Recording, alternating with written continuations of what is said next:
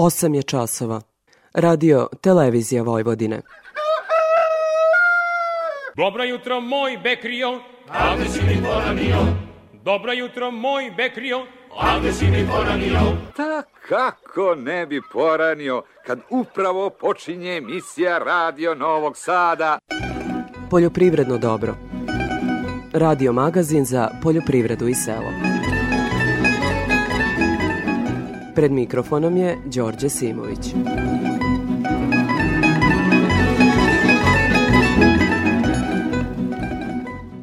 Poštovni slušalci, dobro jutro. Kada se krajem avgusta okišalo, ratari su se obradovali.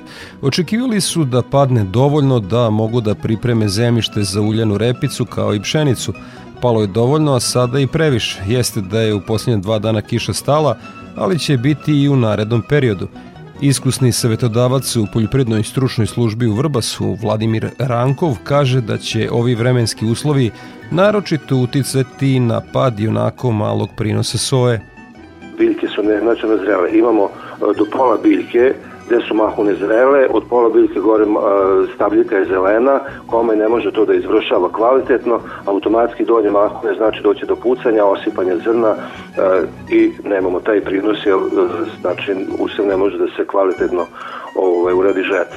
Približava nam se seto pšenice, pa u temi emisije govorimo o tome kako da najracionalnije ishranite biljke i koja praksa se primenjuje u agrarno razvijenim zemljama – Željko Erceg iz kompanije Agrofutura je agronom sa ogromnim iskustvom u agrobiznisu u upravljanju velikim sistemima, pre svega u Ukrajini. U uvodu emisije govorimo o razlikama u upotrebi granulisanih i tečnih azotnih đubriva. Prihrana tečnim azotnim đubrivom u kasnu jesen, u rano proleće, daje mogućnost pšenici da se bukvalno prvih sati od primene e, samog tog đubriva da ima dostupnu nitratnu formu koja posle naravno kao adrenalin deluje na, na, na rast pšenice a ostale forme azota prolazeći kroz procese nitrifikacije i se polako postaju dostupni i obezbeđuju taj prolongirani period obezbeđenosti azotom.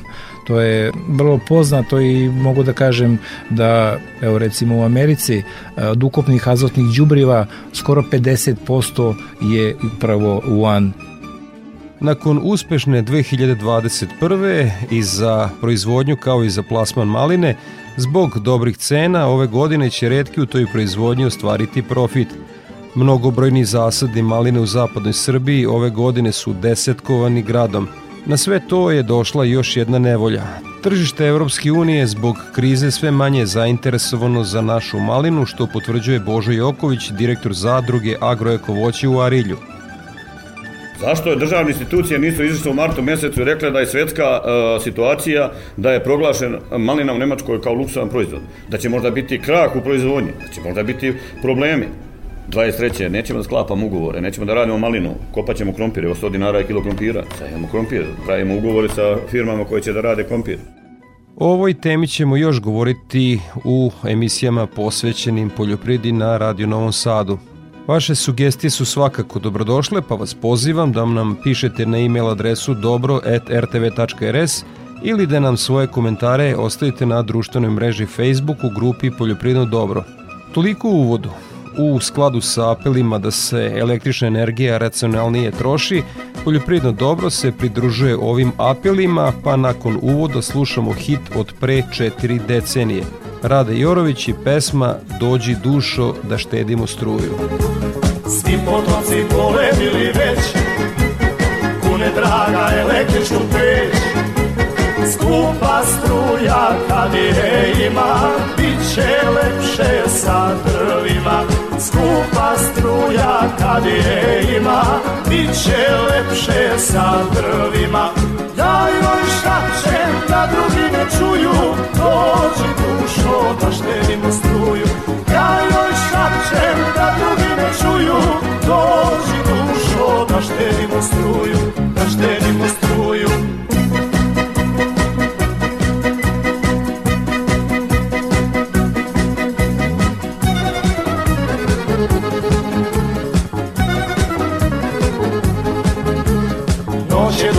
kratak je dan.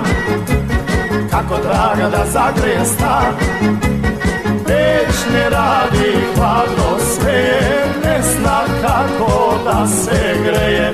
Već ne radi hladno sve Ne zna kako da se greje. Ja joj šapšem da drugi ne čuju. Dođi dušo da štedimo struju. Ja joj šapšem da drugi ne čuju Dođi dušo da štedimo struju Da štedimo struju.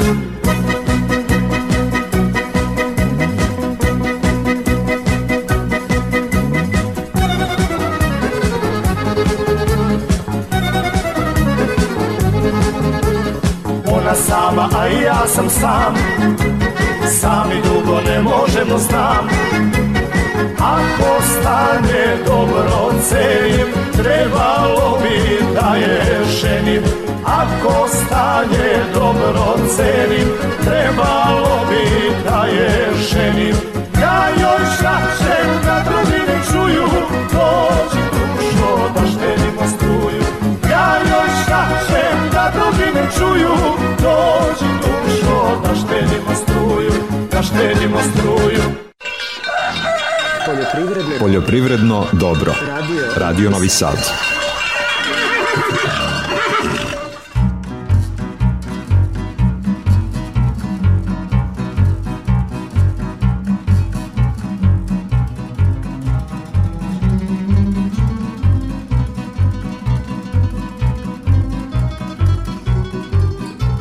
U nastavku poljoprivrednog dobra sledi detaljnija agroprognoza Ljiljane Đingalaševića iz Hidrometeorološkog zavoda Srbije.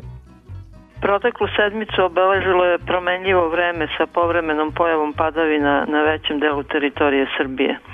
Temperature vazduha bile su za nekoliko stepeni ispod prosečnih za ovaj deo septembra. Tokom perioda bilo je padavina skoro svakog dana, a najveće količine padavina registrovane su u severnim i zapadnim delovima zemlje sa dospelim količinama od 20 do 75 mm. U ostalim područjima bilo je od 5 do 15 mm. Procenat padavina u poslednjih mesec dana u odnosu na prosek je u velikom delu zemlje od 200 do 300 procenata, dok je u delu Bačke i Južnog Banata i do 400 procenata. Na zapadu i istoku je oko 125 procenata. Ove padavine dodatno će povećati vlažnost obradivog zemljišta kako bi priprema i setva ozimih useva, ječma i pšenice bila kvalitetno obavljena. Tokom proteklih dana uočeno je prisustvo insekata štetočina. U pojedinim zasadima jabuke prisutne su kolonije krvave vaši, koja najveće štete pričinjava u mladim jabučnjacima i u proizvodnji sadnog materijala.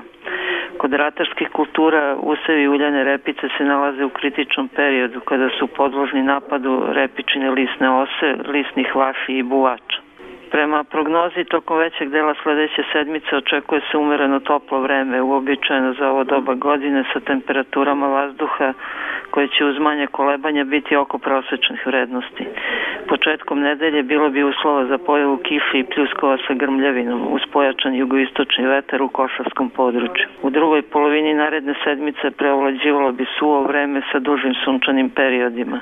Tek ponegde, uglavnom u brdsko-planinskim predelima, bilo bi uslova za kratkotrajnu slabu kišu. Za Radio Novi Sad iz Republičkog hidrometeorološkog zavoda Ljiljana Đingalašević. O aktualnoj zaštiti bilja će nas obavestiti Milena Marčić iz prognozno izveštene službe. U zaštiti voća u nedelji koja je pred nama izdvajamo zaštitu lejske od prozrokovača bakteriozne plamenjače. Ovo oboljenje, kao i što sam naziv kaže, prouzrukuje bakterija koja se sada u ovom periodu povlači na prezimljavanje i vrlo je važno da sada i preduzmemo hemijske mere zaštite leske od ove bakterije. Naši proizvođači često sprovode mere kada opadne ili kada počne opadanje lisne mase i to je dosta kasno, tako da e, odmah sada posle sakupljanja plodova e, treba da se primene preparati na bazi bakra. Kako je ova bakterija posebno štetna u mladim zasadima jer je glavni simptom izumiranja mladih grančica i letorasta, i za kratko vreme mlada stabla mogu u potpunosti da se osuše, a da mi već godinama unazad beležimo trend povećanja površina pod leskom, posebno apelujemo na proizvođače koji imaju mlade zasade da sada, ukoliko to nisu uradili, sprovedu zaštitu preparatima na bazi bakra. Setva uljane repice se bliži kraju, sasvim je izvesno da su i površine povećene u odnosu na prethodne godine. Usevi koji su posejani u proteklom periodu su različitim fazama razvoja, od nicanja do razvijena četiri lista – Iako uslovi u prethodnom periodu nisu bili nešto povoljni za razvoj insekata, u gotovo svim usevima uljane repice se beleži prisustvo repičine listne ose, tačnije jaja i pa gusenica ove štetočine, Tako da mi preporučujemo obavezan obilazak i pregled parcela na prisustvo pa gusenica, repičine, lisne ose, jer za kratko vreme ova štetočina koja se hrani lisnom masom može da nanese velike štete, pogotovo dok su biljke male i u početnim fazama razvoja. Prag štetnosti je jedna pa gusenica po biljci ili 50 pa gusenica po metru kvadratnom i po postizanju ovog praga se preporučuje primjena insekticida. Naši slušalci bi pomislili da sada nije vreme da pričamo o zaštiti kukuruza za sledeću godinu. Međutim, postoji jedna značajna mera koju sada treba uh, preduzeti i o kojoj sada treba razgovarati da bi se sledeće godine sprečila pojava crvenila kukuruza, a to je pravilan plodored, odnosno pitanje setve pšenice nakon kukuruza. Pošto nam setva pšenice sada predstoji, želim da istaknem značaj plodoreda u kontroli crvenila kukuruza, jer na svim područjima gde, smo, gde su ove i prethodnih godina, uh, gde je zabeleženo prisustvo crvenila kukuruza, preporuka je da se nakon kukuruza nikako ne seje pšenica. To su već uh, po, tradicionalno područje srednjeg, južnog banata, delovi bački koji se naslanjaju na srednji banat, I crvenilo kukuruza prouzrukuje fitoplazma, a kukuruz se zaražava preko jedne vrste insekta cikade, Reptalus panzeri. Te cikade jedino mogu da se razvijaju na korenu kukuruza, pšenice, sirka i još nekih korova i ako se posle kukuruza poseje pšenica, cikade se u zemljištu neometano razvijaju i sledeće godine se pojavljaju odrasle jedinke i one zaražavaju kukuruz.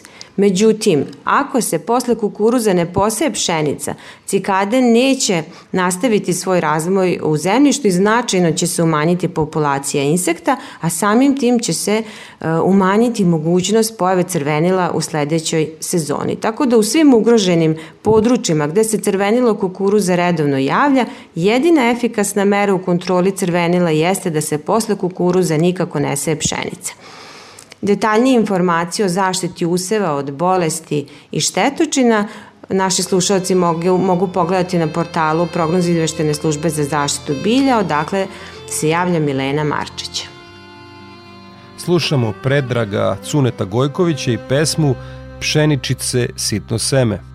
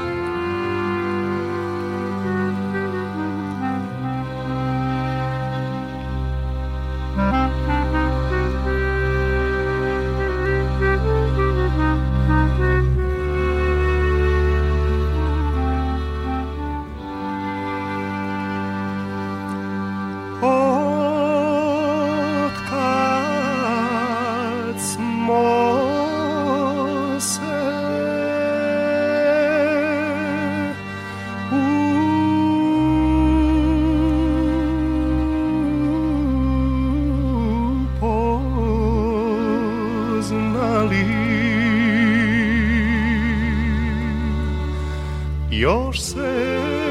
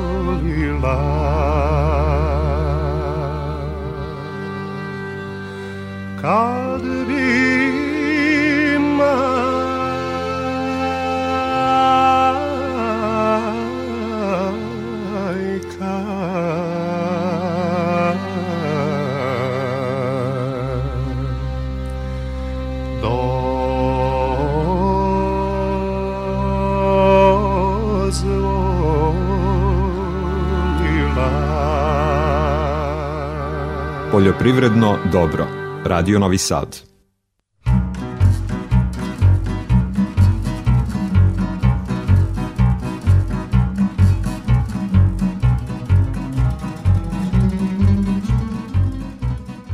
O prometu žitarica na produktnoj berzi više Anje Jakšić. Smanjena aktivnost na berzanskom tržištu dovela je do manjeg ukupnog prometa u odnosu na prošlu nedelju. Cene žitarica beležile su rast dok je na tržištu uljarica uočen negativan cenovni trend. Početkom nedelje bila je primetna veća ponuda kukuruza starog roda. Međutim, kako je nedelja odmicala, ponuda se smanjivala. Kukuruz rod 2021. godine trgovan je u cenovnom rasponu od 33 dinara 80 para do 34 dinara po kilogramu bez PDV-a. S druge strane, kada je u pitanju novi rod, primetno je odsustvo ponude većih količina.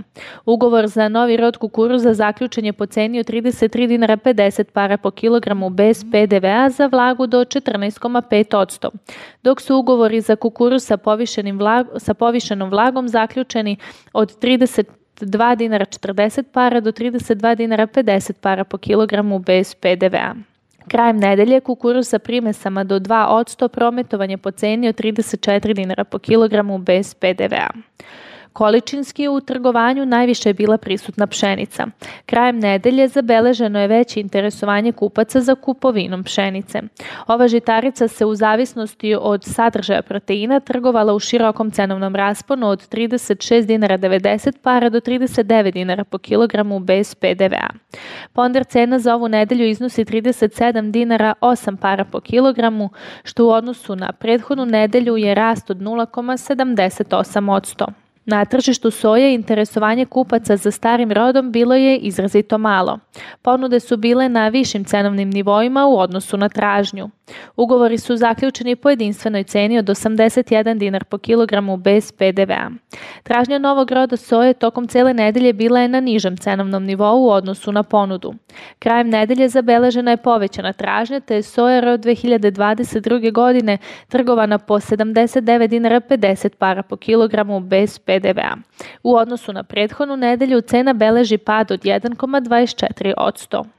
Uljana repica od 2022. godine trgovana je po ceni od 66 dinara po kilogramu bez PDV-a. Ruska urea 25 kroz 1 franko isporučena kupcu prometovana je na cenovnom nivou od 99 dinara 71 para po kilogramu bez PDV-a. U pogledu sačmi trgovalo se sojinom i suncokratovom sačmom. Sojina sačma 44% proteina trgovana je po 80 dinara po kilogramu bez PDV-a. Suncokratovom sačmom 33% proteina trgovalo se po 32 dinara 50 para po kilogramu bez PDV-a. Sa produktne berze Anja Jakšić. Nakon izveštaja sa produktne berze, Gordana Jeličić iz Infotim Logistike obavestit će nas o trendovima na tržištu stoke. Sve cene su bez uračunatog poreza na dodatu vrednost. Kao i uvek, počinjemo sa tovljenicima. Kako nam saradnici sa terena kažu, dogovori oko utovara za farmsku robu za iduću nedelju završavaju se na nivou cena od 250 dinara po kilogramu. Ponuda jagnjadi oglašena je po ceni od 285 do 320 dinara po kilogramu, a ovce za klanje su nuđene po ceni od 140 do 145 dinara po kilogramu. Slabije je interesovanje oko ove kategorije stoke, pa su i ponuđači prinuđeni da obaraju cenu u oglasima. U toku nedelje prasaca farme su se oglašavale po ceni od 330 do 350 dinara po kilogramu, prasaca mini farme po ceni od 300 do 324 dinara po kilogramu, a prasad iz otkupa po ceni od 280 do 300 dinara po kilogramu. Na terenu se sporadično trguje prasadima za dalji tov uz pregovor na niže cenu u odnosu na oglašene. Ponude bikova Holstein oglašene po ceni od 300 do 330 dinara po kilogramu, a bikova simentalaca po ceni od 350 do 360 dinara po kilogramu. Pregovori se završavaju na nižim nivoima od oglašenih cena. Cene su izražene bez PDV-a. Za Radio Novi Sad, Gordana Jeličić iz Infotim Logistike.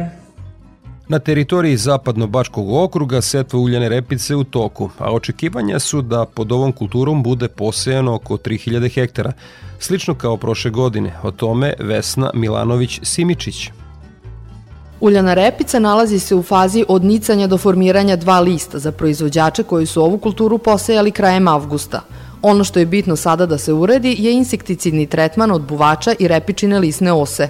Poljoprivredni proizvođači gde je tek nicanje u toku i koji će tek posejati uljenu repicu sa stabilizacijom vremenskih prilika, znači sa otopljenjem, potrebno je da obiđu svoje parcele i da pregledaju useve na prisustvo repičine listne ose i buvača i da ukoliko je potrebno, znači ako imaju jednu pa gusenicu po biljci ili 50 gusenica po metri kvadratnom da odade insekticidni tretman sa nekim od registrovanih insekticida, na primjer pirotoidi na bazi deltamatrina, lambdaciholotrina.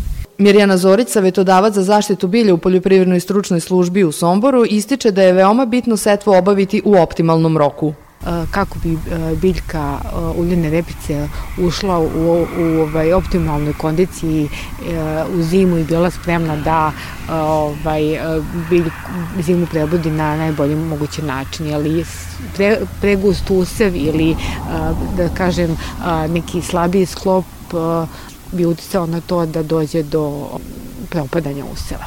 Kiša koja je padala prethodnih dana dobro je uticala na uljanu repicu. Na području Zapadno-Bačkog okruga prethodnih dana palo je 60 do 70 mm kiše po metru kvadratnom, što će dobro uticati na dalji razvoj ove kulture. Slušamo Lepu Lukić i pesmu Ej kad sam sinoć, pa u temi emisije govorimo o savremenim trendovima u ishrani biljaka. Ej kad sam sinoć pošla iz dućana. Ej kad sam sinoć pošla iz dućana. Ej susrela me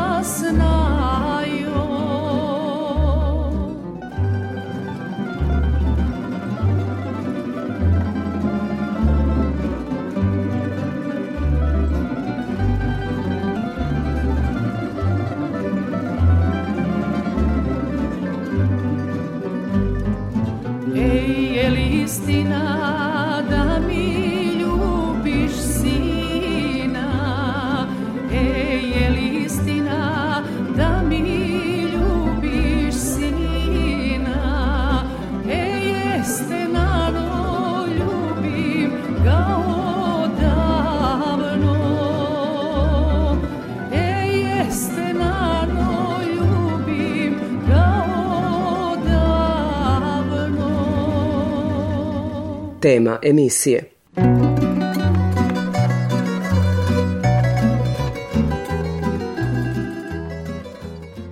Već drugu godinu sve skuplja mineralna đubriva povećavaju troškove biljne proizvodnje.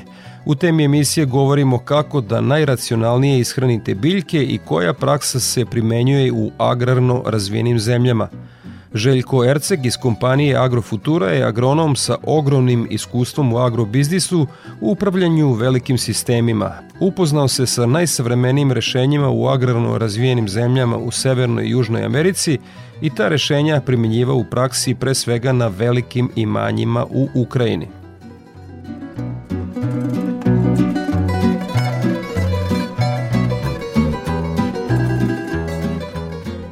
Kao čovek od e, ogromnog e, radnog iskustva na više kontinenta, mogu slobodno reći, e, recite nam kakva je praksa ishrana biljaka u agrarno razvijenim zemljama i gde smo mi tu? To je verovatno jedan od e, najvećih e, jedna od najvećih misterija za mene zbog čega se stvari prilično sporo menjaju jer današnje svetski pristupi u smislu đubrinja se mogu da kažem fundamentalno razlikuju od, od, od, od naših. I to u svim aspektima, počinjući od uh, shvatanja važnosti analize zemljišta i uh, tog potencijala koji po, koji posjedujemo do uh, samih programa đubrenja imajući u vidu uh, same forme đubrenja, to jest da li je tečno ili granulisano, uh, vremena primene uh, i drugih nekih aspekata, da. To što ja primećujem i što je u stvari jedna činjenica to da danas, bez obzira na to koliko naši farmeri mogu da budu zadovoljni sa svojim rezultatima i svojim prinosima, ako to poredimo sa top agrarnim silama sveta, mi još uvek ni blizu nismo došli do tog nivoa bez nekih e, istinskih objektivnih razloga. Ako gledamo sve glavne kontributore prinosa, to jest agroekološke uslove, tamo zemljište ili, e, ili klimatske uslove, e, ako mi vidimo da mi nismo u nešto lošoj poziciji od svih drugih agrarnih sila sveta. E, ako gledamo druge faktore kao što je na primjer genetika, kao što je na primjer sistemi zaštite bilja, poljoprivredna tehnika, svi ti faktori u stvari naš farmer posjeduje na istom nivou kao američki farmer, kao farmer iz Argentine ili Brazila. To što se meni čini da mi najviše smo zaostali u smislu razumevanja agrohemijskih procesa u zemljištu i vezano za to planiranja i praktike đubrenja biljaka i ishrane biljaka. U uvodu sam rekao da imate uh, ogromno uh, životno iskustvo. Šta je praksa, moram reći, na velikim površinama koju ste imali u rukama pokazala? Koje su najbolje primjene, mm. kako da se biljke, ratarski usevi najefektnije hrane? A ja bi uh, primetio da to da se pre svega u poslednjih 10-15 godina desila jedna mala revolucija u generalno u agrohemiji, to jest u razumevanju parametara i procesa koji se dešavaju, dešavaju u zemljištu, a koji su posle krucijalno važni za, za formiranje nekog plana đubrenja. Da. To je jedno. Drugo, vidim ogromnu razliku u formi primjene đubriva. Kod nas još uvijek, čini mi se, su perspektiva đubrenja kao negde 80. godina, to jest mi nismo ništa nešto fundamentalno promenili u odnosu na period od pre 20 do 30 godina. U svetu danas postoji nekoliko glavnih trendova jeli, u, u, u primjeni đubriva, prvo sa čega treba početi, to je sama forma đubrive- đubrenja. Svugde u svetu danas su pre svega zastupljeni i dobijaju na važnosti baš tečna đubriva. U Americi, na primer, e, ako uzmemo Ameriku kao najnapredniju agrarnu silu sveta, danas od e, ukupno nekih 12 miliona tona azotnih đubriva, đubriva koje se primene, manje od 20% su granulisana azotna đubriva urea, a ni drugo. Sve ostalo su tečna azotna đubriva koje u stvari daju taj uh, contribution, taj, taj prilog uh, prinosima koji američki farmeri dobijaju danas. A da podsjetim, prošle godine u Americi je prosečan prinos kukuruza prvi put prešao 200 buševa farmeri koji danas u Americi imaju navodnjavanje, svi su generalno preko 300 buševa, što je preko 18 tona kukuruza sa hektara. I najviše zbog toga što su oni našli način i imaju postoju tehnologiju kako pravilno da ishrane biljku i na kraju kraju dobiju takav rezultat. Kakve ste vi konkretno e, na velikim imanjima u Ukrajini rezultate postigli sa tečnim đubrivima? Mi smo još pre više od 10 godina praktički doneli odluku stratešku da prelazimo u nekom periodu na, na tečna đubriva i mogu da kažem da a, za zadnjih deseta godina a, na površinama koji su bili pod mojim upravljanjima, to je nekih 250.000 hektara, nisu praktički uopšte korištena, korištena granulisana đubreva, pogotovo ne granulisana azotna đubreva. Upravljali ste površinom od četvrt miliona hektara?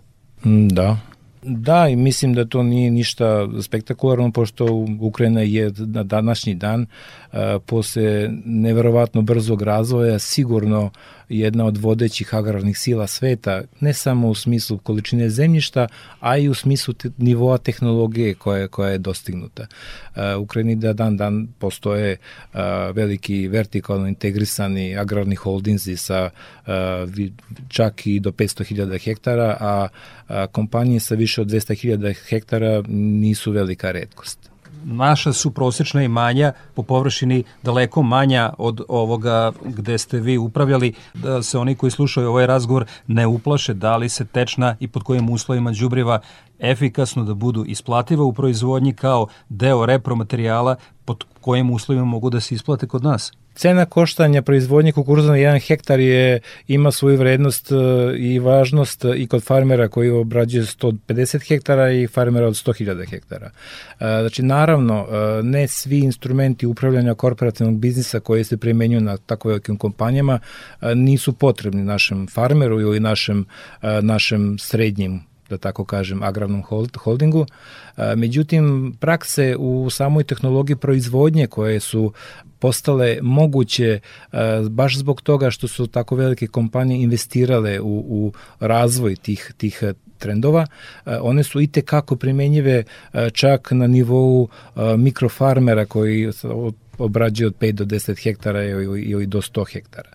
Tako da to u smislu tehnologije uzgoja nema nek, nekog velikog značaja. I sigurno je da te prakse koje premenjuju najnaprednije kompanije u svetu danas, nešto od toga a, može da primeni i, i naš farmer. Koje su konkretne a, prednosti upotrebe tečnih đubriva u odnosu na granulisana? Treba razumevati kad mi pričamo o tečnim đubrivima da se mi ne pričamo o folijarnim đubrivima ili to što naši ljudi već uveliko rade, primenjuju mikroelemente i, i druge aditive jeli, u, u folijarnu, folijarnoj primjeni. Mi govorimo o tečnim osnovnim đubrivima, to jest o tečnim azotofosfornim đubrivima koji se koriste i po cijeloj površini, ali za sada pre svega kao startna i govorimo o tečnim azotnim đubrivima koji su u poređenju sa, na primjer, klasičnim našim đubrivima kao što su urea ili an ili kan u izuzetnoj prednosti u svakom pogledu, u pogledu fiziologije, u pogledu gubitaka, e, u pogledu logistike, primene.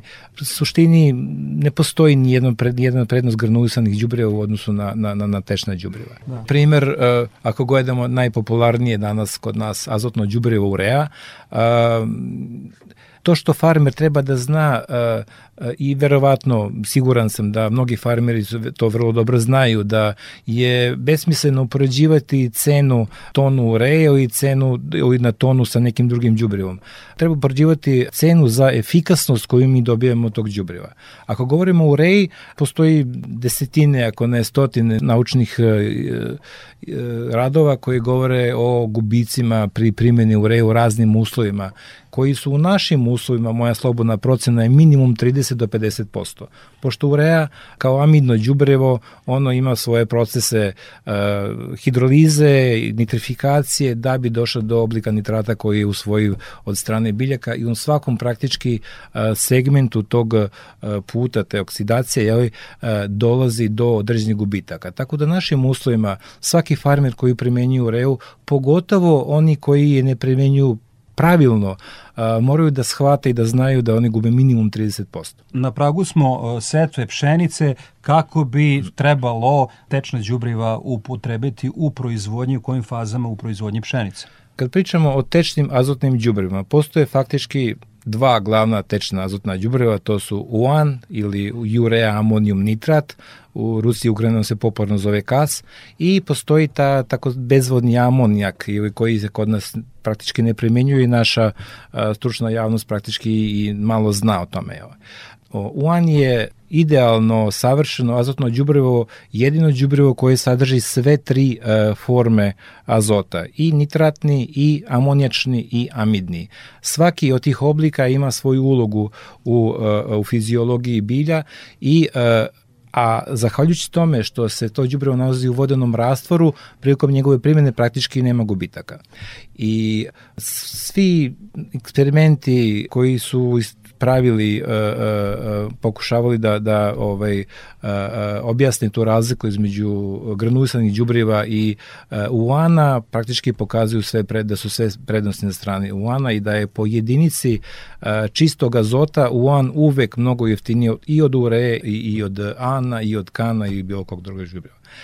Uh, što se tiče pšenice, to je jedna od verovatno najboljih, najpovoljnijih kultura za primjenu UANA baš kod prihrane.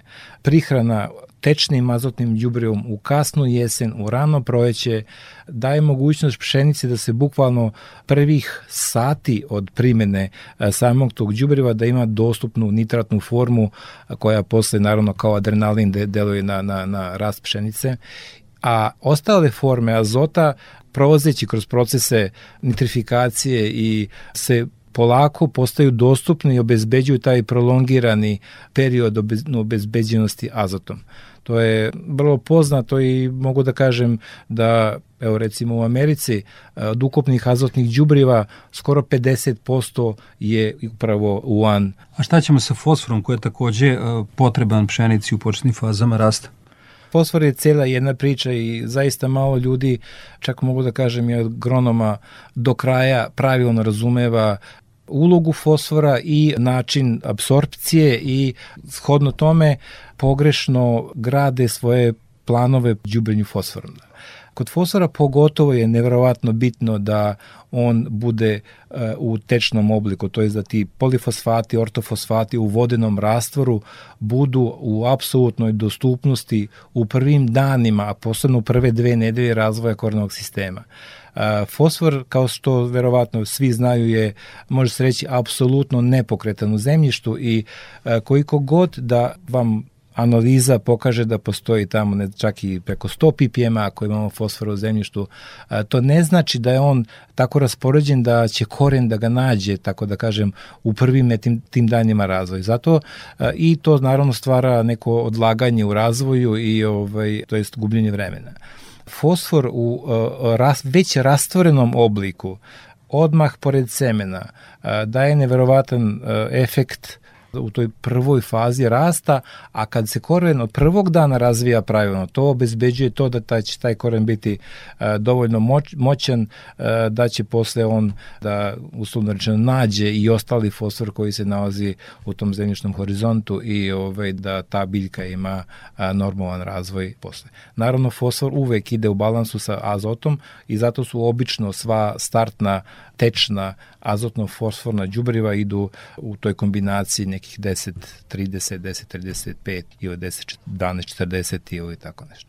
Kad je reč o prihrani pšenice s proleća, kraja zime i početka proleća. Što se tiče prihrane, kao što sam rekao, tu je od krucijalne važnosti pred svega azot i mislim, sve je vrlo jednostavno i logično. Primenjujući granulisana azotna đubriva, čak e, pogotovo u reu, čak i ako se pomirimo s time da imamo neki gubitak, mi smo osuđeni da čekamo prve padavine koje će biti sposobne da taj azot pre svega za, da započnu procesi a, hidrolize, a po, posle, nitri, posle nitrifikacije i tek da, da kiše spuste u zonu korenog sistema taj, taj azot. Primjenom tečnog azotnog đubriva mi imamo efekat taj da a, bukvalno a, odmah a, ta tečna nitratna faza dolazi do prvog sprata koronovog sistema i od prvih bukvalno sati je moguće da, da ta biljka bude u obezbeđena prvim količinama i da ne gubi vreme sa svojim startom. I sada poljoprivrednici koji nas slušaju verovatno sebi postavljaju dva pitanja. Pod jedan kako da prilagodim e, svoju standardnu mehanizaciju e, upotrebi e, tečnih đubriva i pod dva gde da ih kupim.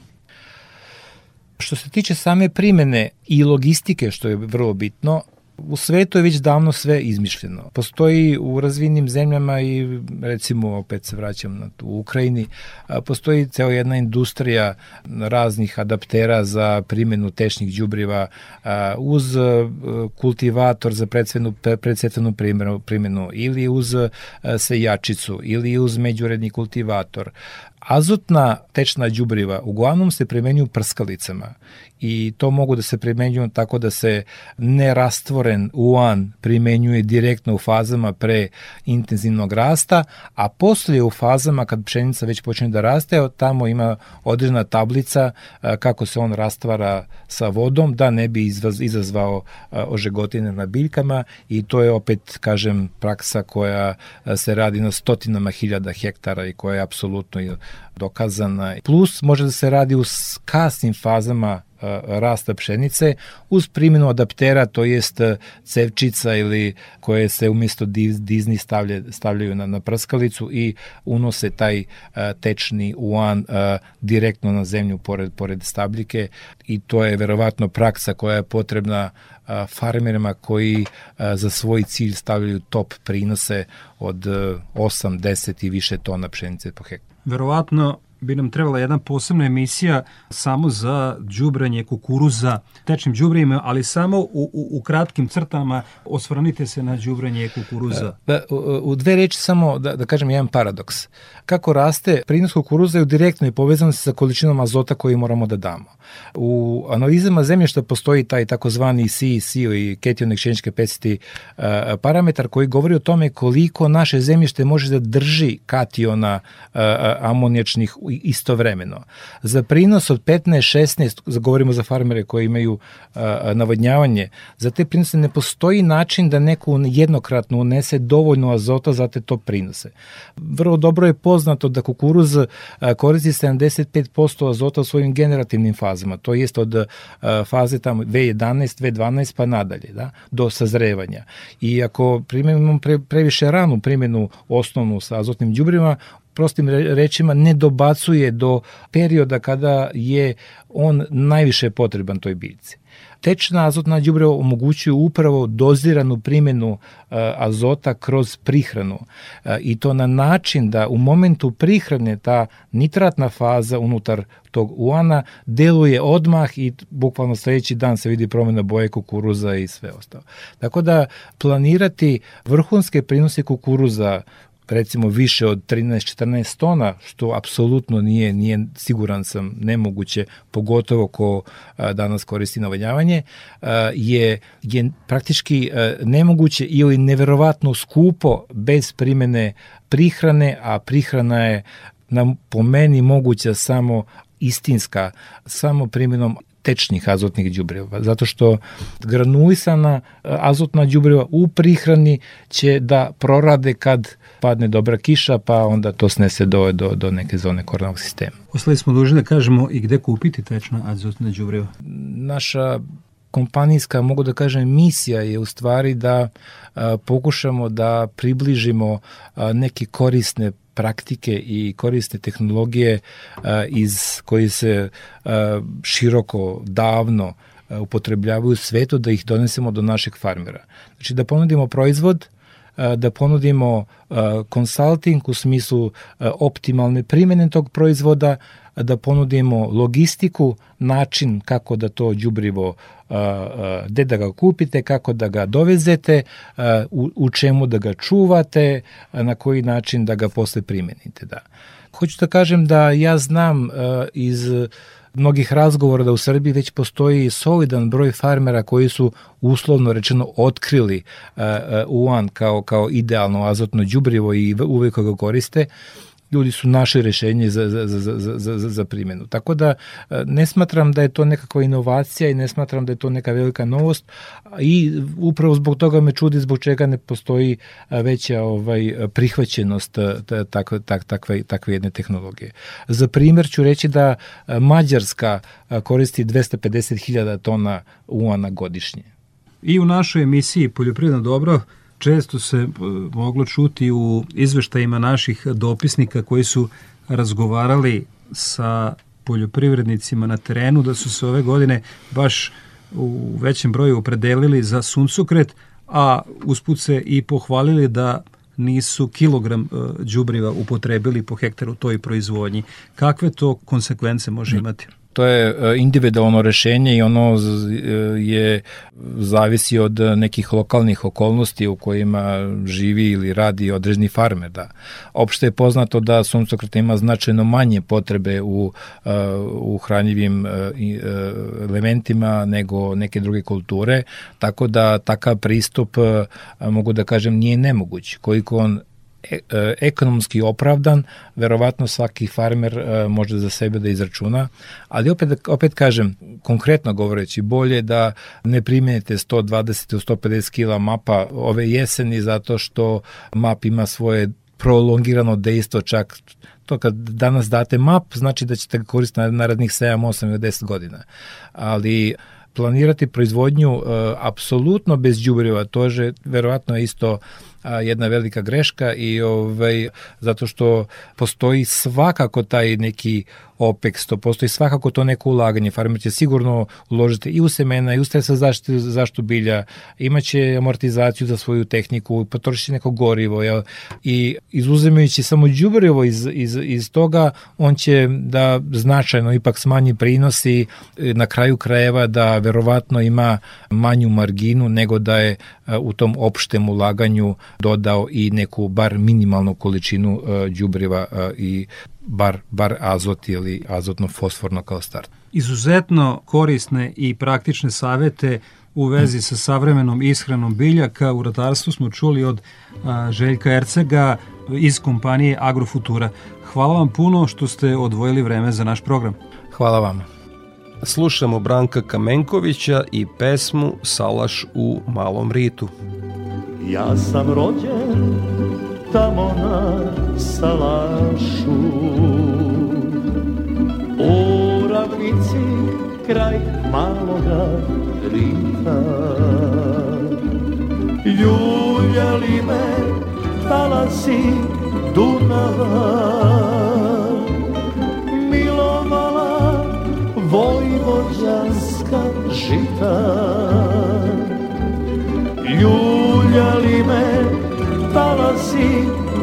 Dunava Milovala vojvođanska žita. Tu se spaja Srem, Banan i Bačka. Tu se grle tri srca junačka. Tu i dete rodni salaš voli čelikom boli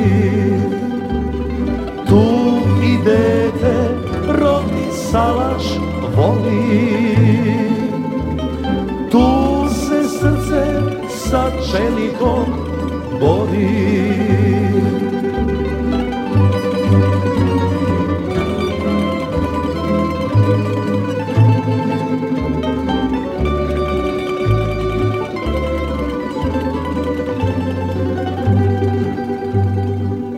glavi na moj salaš vuci Palili ga i Nemci i Turci. Ubijali zoru kad se javi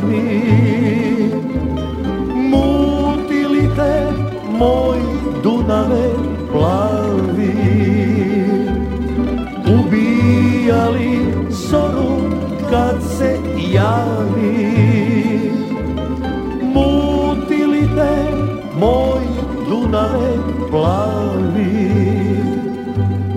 Al krenut će svadbe sa salaša Vratit će se vedre letnje noći. Ravnica će procvetati naša. Hej salaši, opet ću vam doći. Ravnica će procvetati naša. Hej salaši, opet ću vam doći. Ovako da se saberem, u spavaćoj sobi u 5 sati budi me radio Novi Sad s lepom vojvođanskom muzikom, onda u kuhinji slušam obično kad e, ručamo ili ne, nekom drugom prilikom, u radionici ako nešto radim, tu je radio Novi Sad, a u štali tamo to je obavezno, tamo najviše slušam radio Novi Sad. Poljoprivredno dobro. Radio Novi Sad. Ja stanicu ne menjam.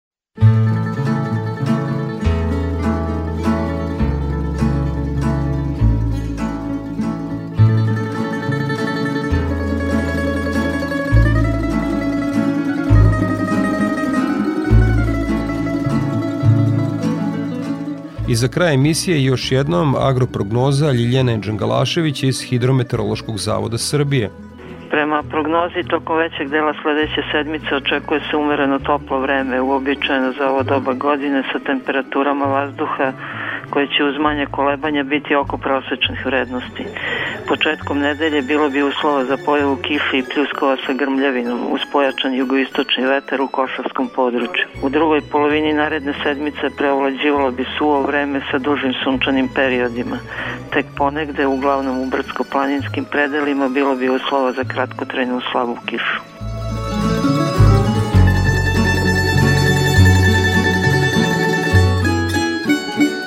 I pred sam kraj emisije jedna tužna vest.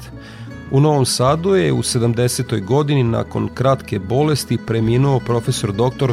Stevan Maširević. Profesor Maširević je rođen 1952. godine u Somboru. Bio je redovni profesor fitopatologije na Poljoprednom fakultetu Univerziteta u Novom Sadu. Autor je više od 250 naučnih radova, 19 knjiga i monografija i više desetina stručnih radova. U naučnom radu bavio se bolestima šećerne repe i suncukreta. Ove godine profesor Maširević je dobio najveće naučno priznanje za selekciju i zaštitu suncukreta od Svetske organizacije za tu uljaricu. Toliko poštovani slušaoci u ovom izdanju Poljoprivrednog dobra, radio magazina za poljoprivredu i selo javne medijske ustanove Vojvodine. Ja sam Đorđe Simović i pozivam vas da ostanete uz Radio Novi Sad. Vašoj pažnji preporučujem ekološki magazin pod staklenim zvonom koji je na programu na Kovesti u 9. Svako dobro.